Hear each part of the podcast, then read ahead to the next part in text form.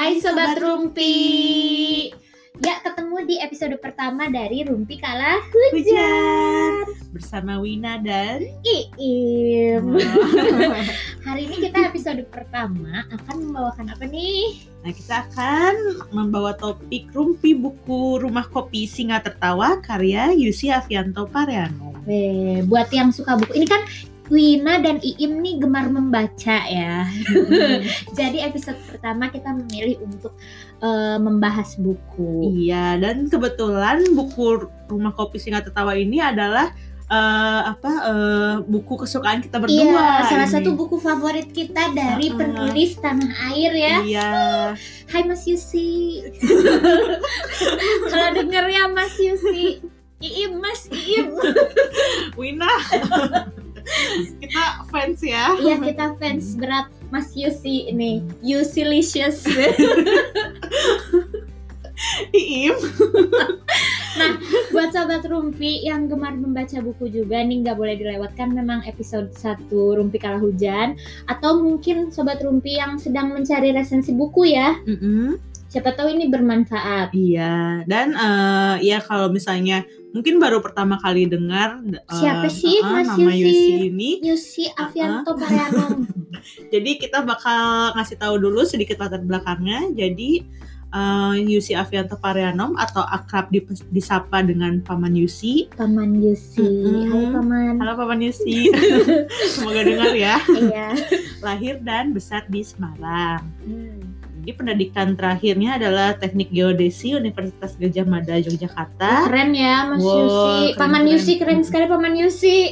Lalu beliau bekerja di eh, majalah Forum Keadilan dan majalah Tempo sebagai wartawan. Hmm. Namun saat ini fokus ke penerbitan yang beliau bangun sendiri yang bernama Penerbit Banana. Betul. Jadi Mas Mm-mm. Yusi ini atau kita menyapa-nyapa Paman Yusi sudah mengeluarkan empat buku ya ternyata. Mm-mm. Buku yang pertama ini yang akan kita bahas hari ini yaitu Rumah Kopi Singa Tertawa. Diterbitkan tahun 2011 oleh penerbit Banana berupa kumpulan cerpen. Mm-mm. Lalu berikutnya ada Grefsin nomor 14. Bukan nomor ya, maaf ya saya bahasa Inggris. Aduh, Wina, jangan gitu-gitu banget, Wina. Aduh sorry Im. Oke ulangi jadi yang kedua adalah Grefsin number 14 and Wait. other stories. Eh, Jaya ya si Wina. Jadi ini adalah kumpulan cerita pendek yang diterjemahkan ke dalam bahasa Inggris dan Jerman. Jadi dalam satu Hmm. buku ada tiga bahasa. Oke, kemudian ada Raden Raden Mandasya si pencuri daging sapi diterbitkan oleh penerbit Banana juga tahun 2016 dan ini berupa novel ya. Mm-mm. Dan ini kayak apa ya? Ah, karya banget. Kojo Ini ya. Karya sih. Kojonya Mas Keren Yusi, Paman Yusi. Paman Yusi. Karya ini juga pernah menerima penghargaan ya? Apa tuh? Iya penghargaan Kusala Sastra Katulistiwa pada Mhm. tahun 2016 untuk kategori prosa. Perlu diketahui juga, jadi penghargaan Kusala Sastra Katulistiwa ini adalah ajang penghargaan bagi dunia kesusastraan Indonesia. Jadi ini udah dilaksanakan sejak tahun 2001 ya. Hmm. Jadi dia sangat bergengsi lah untuk Iya bergengsi banget itu Iya. oh, prestisius ini sekali. adalah impian para penulis tanah air seperti Mbak Wina ini. Oh, mungkin Mbak Iim juga ya. Oh. Eh Cik Iim, Cik Iim. Ceim nanti menyusul. Jadi Paman Yusi nih lewat bukunya si Raden Mandasya si pencuri daging sapi berhasil memenangkan penghargaan Kusala Sastra Katulistiwa.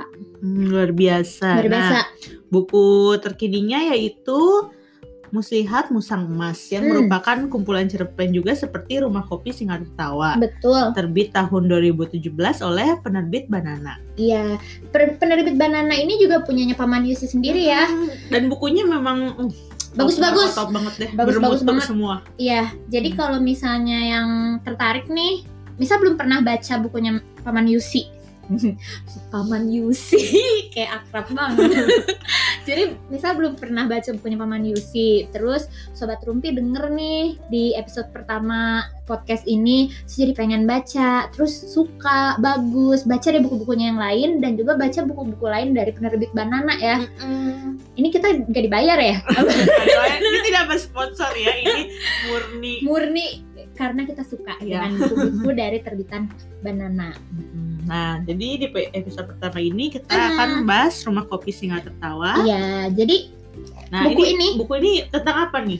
sebelumnya nih buku Rumah Kopi Singa Tertawa sebetulnya kan pertama kali eh, publish itu atau pertama kali diterbitkan tahun 2011. Covernya ini yang yang punya CIIM nih terbitan pertama. Heeh, itu masih cover original ya. Ya, cover original ini lucu banget.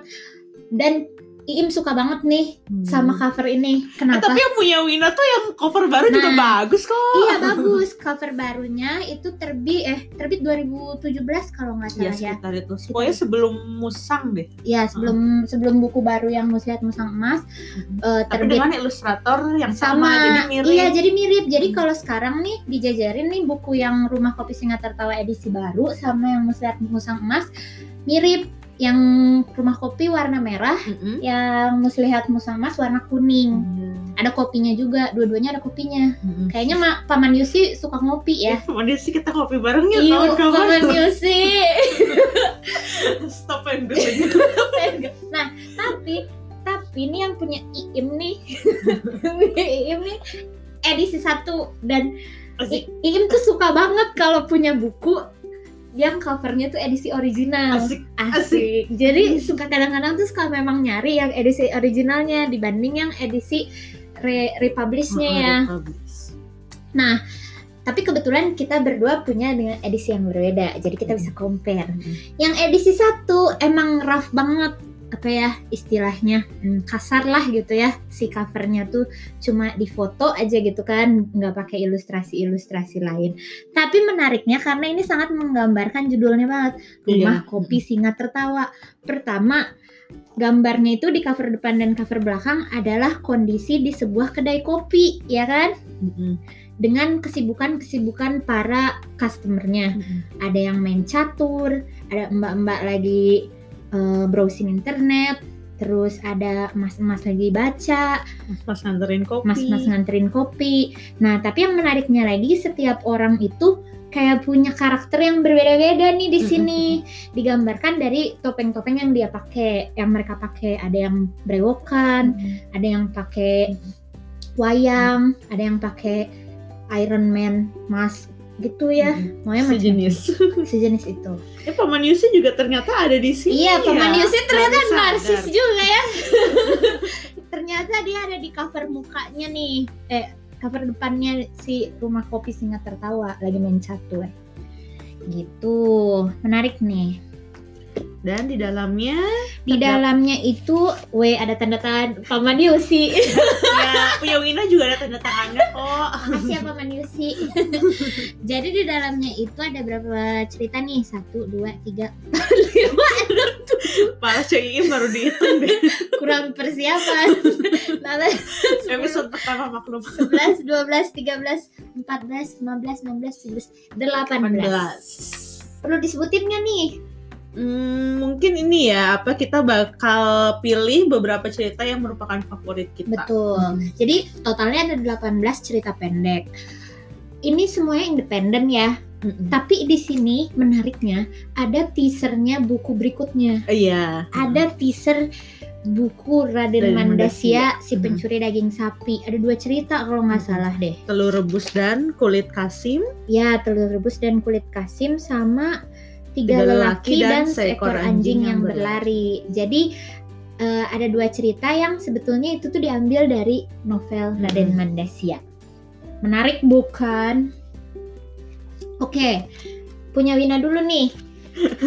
Wina paling suka Kalau Yang sih mau mana? pilih yang ini ya, yang paling membekas menurut Ini- menurut Wina sih.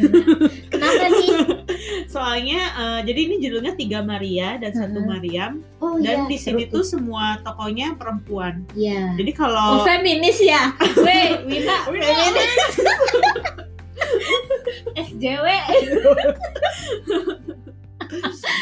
Jadi kan kalau misalnya diperhatiin cerpen-cerpen lainnya itu ya mungkin uh, sama ya tokohnya ada perempuan, ada laki-laki atau malah di beberapa cerpen itu dominannya laki-laki. Hmm. Tapi di tiga Maria dan satu Mariam ini semuanya Wes perempuan. bener deh Wina Jeng Wina memang feminis sejati Ini Ceim juga deh. Itu saja Oke terus gimana nih Jadi secara garis besar tiga. Maria dan satu Mariam ini kan menceritakan empat tokoh perempuan. Yap. Yang tiga bernama Maria dan yang satu bernama Mariam Mariam.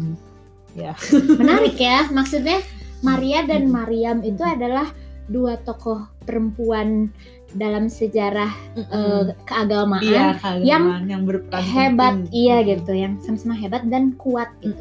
Apakah di ceritanya juga menggambarkan seperti itu? Mari kita eh, ulas satu Oke. persatu. Jadi keempat perempuan ini diceritakan secara independen ya. Ceritanya tuh tidak saling berpotongan satu sama lain. Jadi yang pertama ada Maria Gregoria Setiorini. Is Asik. asik. Nah, dari eh, jadi dia di sini ceritanya 29 tahun tinggal di Zurich dan latarnya Zurich. tahun 2005. Hmm. Ini maaf ya ini ini banget Aduh. Jawa banget emang ini. iya, iya, Mbak Wina tuh. Zurich gitu. Cia belajar di mana sih? Di sana. Zurich itu di mana?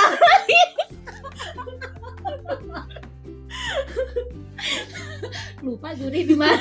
Aduh gagal banget. Swiss, Swiss, Swiss. Swiss, Swiss. Bener nggak ngomongnya Swiss? Iya. Pokoknya yang penting tahulah cara bicaranya Zurich. Aduh, Cia, Cia. Lu rumpi banget emang. Ya gimana gimana Mbak Mbak Wina kita lanjutkan. Nah, Nah, jadi dia Maria ini ceritanya berasal dari keluarga yang orang tuanya sudah berpisah. Oke. Dan di awal itu diceritakan kegundahan Maria karena Hmm. ibunya itu eh, ya ibunya memang masih sering menghubunginya tapi dengan tujuan meminta uang. Oh, Jadi, seperti agak Eh, benalu ya. mm, Hmm. Jadi apa ya eh, sebenarnya Maria di sini ceritakan kayak ya dia sebetulnya rindu ibunya. Mm-mm. Dia sayang ibunya tapi ibunya itu menghubunginya karena Butuh. iya karena Hmm. butuh Hmm. butuh tanda kutip gitu. Betul. Terus Mm-mm. apalagi nih yang menarik dari Nah, yang cerita menarik ini? dari sini jadi eh, sebetulnya asalnya dia berla- berlatar belakang agama suatu agama Hmm. tapi karena ibunya menikah lagi lalu dia ikut ibunya jadi berpindah, Berpindah agama. agama. Tapi eh, ta- tapi nggak hanya dua agama itu tapi dia juga kayak apa ya? Jadi kayak terpengaruh oleh kepercayaan-kepercayaan lain juga dan eh, berpengaruh ke kehidupannya sehari-hari. Jadi misalnya dia eh, pergi ke gereja tapi berpuasa juga Berpuasa, ya. gitu. Mm-mm. Jadi dia kayak liberal gitu lah ya. Ya, liberal. ya kayak sekarang-sekarang ini SJW SJW. SJW. Oh iya, oh iya. Im juga inget nih ada yang menarik dari cerita ini. Mm. Kayak di- dia menyebutkan kan karena namanya. Jadi dia waktu mau bikin KTP atau gimana Oh gitu iya, ya. Karena namanya Maria, jadi ditulislah namanya eh agamanya itu Kristen Iya. gitu kan. Mm. Padahal sebetulnya waktu itu dia Islam ya. Mm-mm.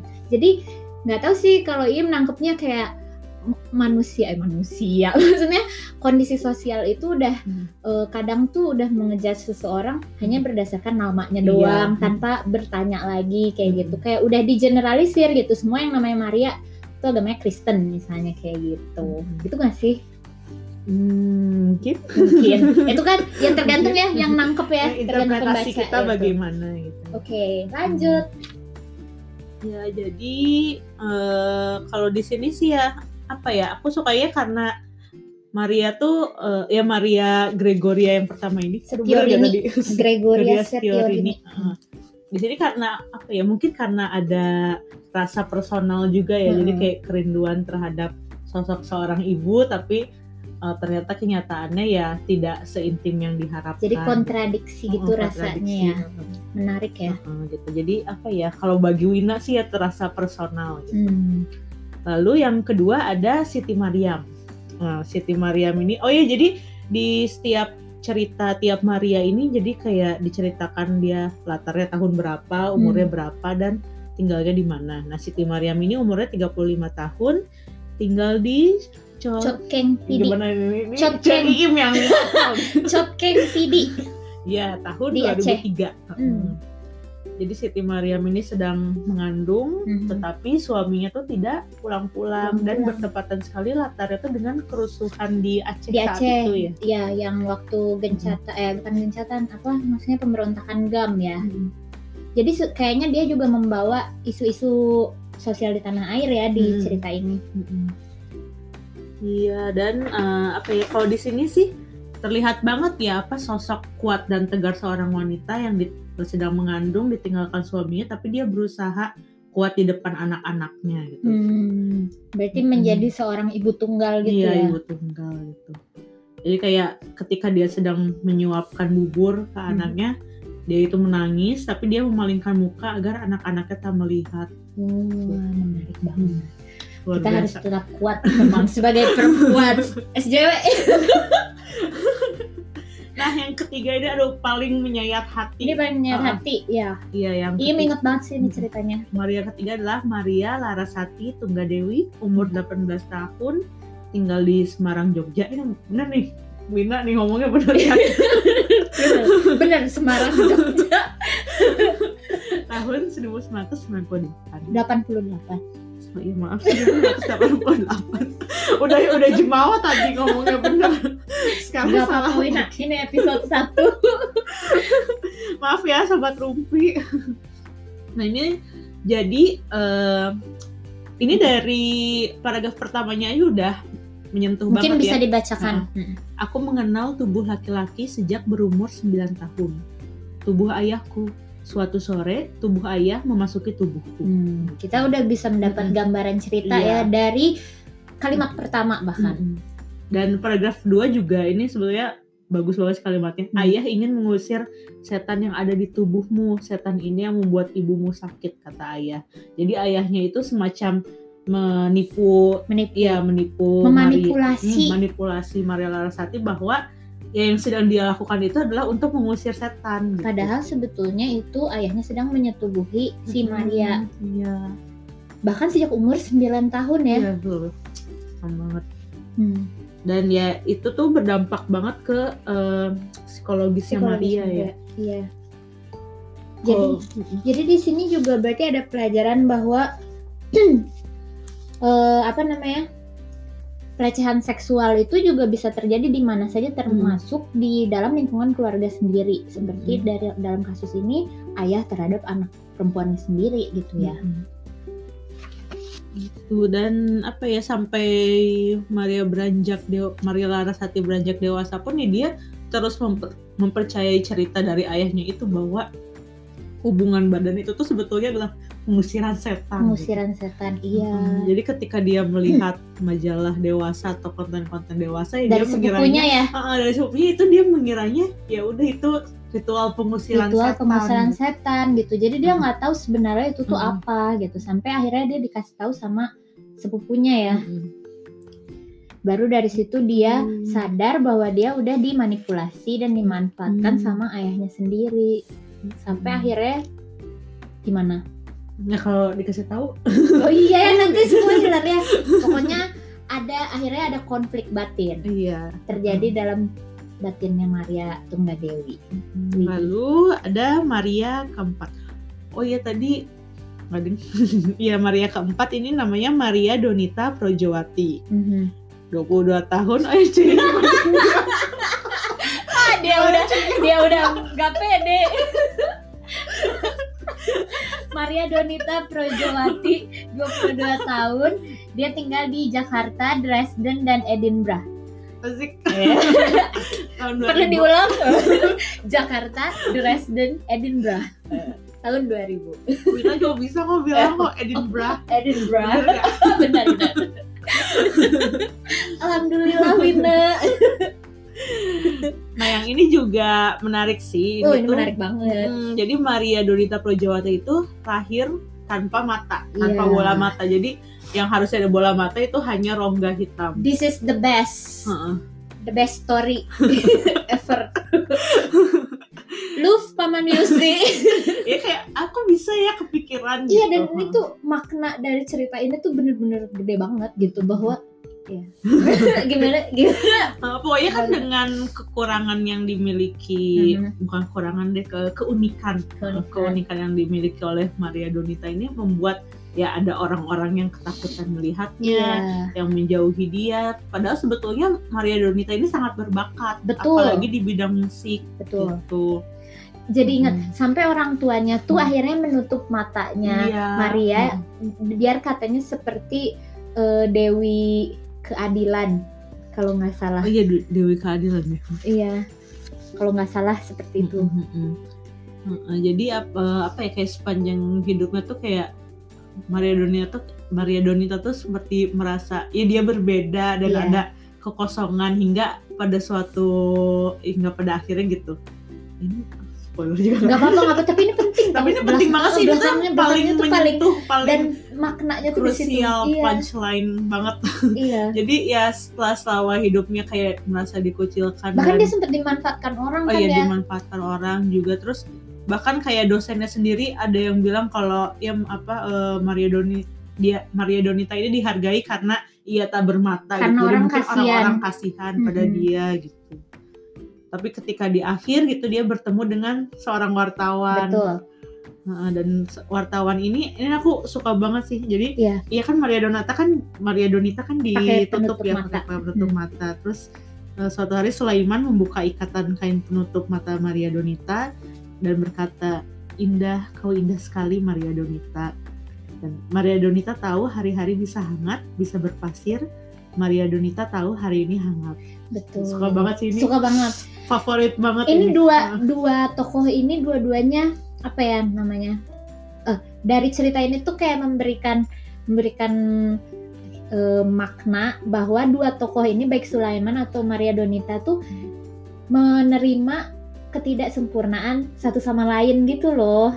Jadi Sulaiman menerima ketidaksempurnaan Do- Maria Donita dan eh, apa namanya mencintai dia apa adanya. Kemudian Maria Donita pun mencintai Sulaiman tanpa melihat apa-apa Iya. dari Sulaiman gitu loh. Hmm, Jadi iya. kayak dia nggak nggak nggak usah ngelihat Sulaiman itu kayak apa. Ya udah dia tahu dia cinta sama Sulaiman Iya. gitu kan. Keren kan? Keren banget, Kayak the perfection of imperfection. Asik, Asik. nice banget. Iya, gila-gila. Nah jadi itu tadi cerita favorit versi Wina. Versi Wina. Gimana nih Oke. kalau versi Ceim? Wow, sebenarnya banyak ya di sini. Tapi bagus-bagus sih. Emang bagus-bagus. Dan sebetulnya Setiap agak cerpennya tuh sangat berkesan. Iya, jadi ada dua cerita favorit. Iim nih di sini. Yang pertama itu dan dari tadi tuh agak agak bingung mana yang harus dipilih ya. yang pertama tuh Edelweiss melayat ke Ciputat. Wah suka banget. Suka banget. Suka banget. Dan ternyata tahu nggak? Jadi ngelihat dari wawancaranya Mas Yusi di mana gitu ya. Edelweiss melayat ke Ciputat ini kan sebenarnya ceritanya tentang eh, Edelweiss tuh punya mantan suami. Mantan suaminya nikah lagi. Iya. terus istri barunya mantan suaminya ini kayak dimutilasi sama orang Hmm. gitu kan terus akhirnya Edelweiss kayak mengunjungi melayat si mantan suaminya ini eh terus mereka kayak semacam rujuk lagi gitu ya CLBK. CLBK gitu dan ternyata menariknya itu kan cerita kayak cerita roman roman gitu Hmm. tapi setelah melihat wawancaranya Mas Yusi ini di salah satu website ditanya kan dari mana sih inspirasinya menulis Edelweiss melayat ke Ciputat ternyata itu katanya ketika dia mengantar temannya atau berkunjung ke rumahnya siapa gitu temannya dia lewat daerah Ciputat dan di situ ada TPA Hmm. tempat pembuangan akhir sampah gitu ah, ah. Terus dia dia mikir katanya Paman Yus ini mikir gimana kalau di antara tumpukan-tumpukan sampah itu ada karung-karung berisi mayat orang yang dimutilasi Wow. dan jadilah cerita ini Ah, menarik ya Dan apa ya ada unsur satirnya juga sih di situ Iya, betul. kayak menyindir isu agama eh, agama. ya lagi-lagi Ya semoga sobat rumpi tidak gampang tersenggol. tersulut tersulut masalah agama ya ya tapi nggak apa-apa sih ya tergantung Ya, tapi sekali lagi ini hanyalah fiksi jadi ya. Iya. Nah, tapi ternyata Edelweiss melayat ke Ciputat ini tidak menjadi favorit nomor satu. Favorit nomor jeng, satu jeng, jeng. Iim jatuh kepada Jeng jeng jeng jeng. Ajal Anwar Sadat di Cempaka Putih. Kenapa Gimana Ajal? gimana? Kenapa akhirnya memilih si Ajal Ajal Anwar Sadat di Cempaka Putih? Nah, sebetulnya ternyata cerita ini tuh menceritakan seorang guru menulis yang sedang mengajarkan cara menulis sama murid-muridnya ya dan itu tuh adanya di tengah-tengah cerita. Mhm. Jadi kalau misalnya baca awalnya doang atau Mhm. ujungnya doang nggak tahu kalau Iya. itu tuh adalah seorang guru yang sedang mem- memberi contoh cerita gitu Mhm. loh. Nah, tapi cerita si Anjal Anwar Sadat di Cempaka Putih ini eh, yang jadi menarik adalah karena dia punya alur yang looping, Looping. berputar. Dan ada plot twist. Ada plot twist. menarik banget. Terus eh, nanti kita bahas itu, tapi yang kedua yang menjadi menarik karena di sini banyak istilah-istilah yang scientific gitu loh, ilmiah. Contohnya. Contohnya nih di sini di- disebutkan Anwar menderita gefirfobia atau takut menyeberangi jembatan karena prasangka bangunan itu bakal runtuh. Ada ya yang kayak gitu ya. Tapi Mm-mm. aku juga baru tahu tuh ketika baca ini. Iya makanya. Nah katanya tidak hanya itu, derita Anwar makin bertambah karena ia juga mengidap sekian ketakutan lain dari yang umum seperti hemofobia atau Waduh. takut darah, iatrofobia atau takut dokter, klaustrofobia atau takut ruang sempit, sampai yang sedikit melankolis yaitu ombrofobia atau takut rintik hujan. berat, berat banget ya jadi Anwar Sadat. Makanya berat banget jadi Anwar berat Sadat. Tapi di sini juga jadi jadi menarik karena jadi belajar istilah-istilah fobia gitu yang nggak pernah tahu kan. Mm-mm. Kalau mungkin kalau klaustrofobia masih sering denger ya. Hemofobia juga ya. Iya. Hemo itu kan darah. Ini kan ombrofobia gitu. Ternyata ada loh manusia yang takut rintik takut hujan rintik ya. Dia hujan. nggak bisa jadi anak indie cuy. Makanya dia nggak bisa dengerin rumpi kala Oh hujan. iya. Waduh. Sedih. Terus selain itu di bagian terakhir juga Nah, ada jadi tokohnya itu yang penting di sini ada Anwar Sadat. Mhm. Kemudian ada Lena Mareta, Mhm. seorang tokoh perempuan yang menyebabkan bukan menyebabkan sih, tapi menjadi poin kunci dalam kematian Anwar Sadat di Cempaka Putih ya. Nah, pada saat si Lena Mareta ini eh, pergi berlari ke sebuah eh, kebun binatang setelah menemui Anwar Sadat secara tidak sengaja, kemudian dia juga bertemu dengan seorang eh, perempuan. Nah, si perempuan ini ternyata adalah sebentar ya. si perempuan ini tuh sedang menguji pengetahuannya tentang meteorological botanomancy. Waduh, apaan Apa tuh? tuh? Apaan tuh? Nah, itu adalah menebak gejala langit melalui Hmm. perubahan gerak tanaman. Jadi ada istilah-istilah seru gitu di sini. Ilmu ini sangat sulit bahkan bagi perempuan yang sudah menguasai fruktomansi atau tafsir bentuk, pergerakan dan reaksi buah-buahan, dendromansi atau tafsir pepohonan, filomansi atau tafsir daunan dan silomansi atau tafsir batang dan Hmm. cecabang pohon ini. Jadi kayak dukun tanaman ya? Iya dukun tanaman. Iim aja nih yang dulu suka banget sama pelajaran biologi ya nggak tahu istilah-istilah ini. Jadi ketika baca cerita Ajal Anwar Sadat nih kayak wow keren banget nih Paman Yusi gitu mendapat Hmm. istilah-istilah seperti ini. Nah itu yang menjadi sebuah ketertarikan. Tapi kita balik lagi ke eh, alur cerita. Alur ceritanya ini menceritakan tentang Anwar Sadat yang dia itu tadi punya banyak eh, kekurangan. Kekurangannya Hmm. berupa fobia-fobia Iya, yang fobia-fobia sejuta itu Banyak tadi. itu. yang berat banget. Sekian ketakutan itu membuat Anwar nih susah bergaul. Hmm. Kemudian dia juga diem di rumah aja sampai usianya tuh udah dewasa gitu. Nah, suatu hari katanya nih ayahnya tuh dapat telepon dari kerabatnya di Jakarta kalau ada seorang perempuan 24 tahun janda ditinggal mati tanpa anak yang mau dinikahi Hmm. oleh Anwar Sadat. Maka Anwar Sadat dan keluarganya seneng banget nih sehingga dia pergilah ke Jakarta. Di Jakarta Anwar tuh kayak apa ya panik gitu loh Mm-mm. mungkin ke kota besar Mm. sampai akhirnya dia tuh turun dari apa turun dari bus gitu ya pokoknya ya di terminal Mm-mm. terus dia grogi terus akhirnya dia jatuh dan tangannya itu nempel ke seorang perempuan Mm-mm. bagian dadanya lagi Mm. namanya Lena Mareta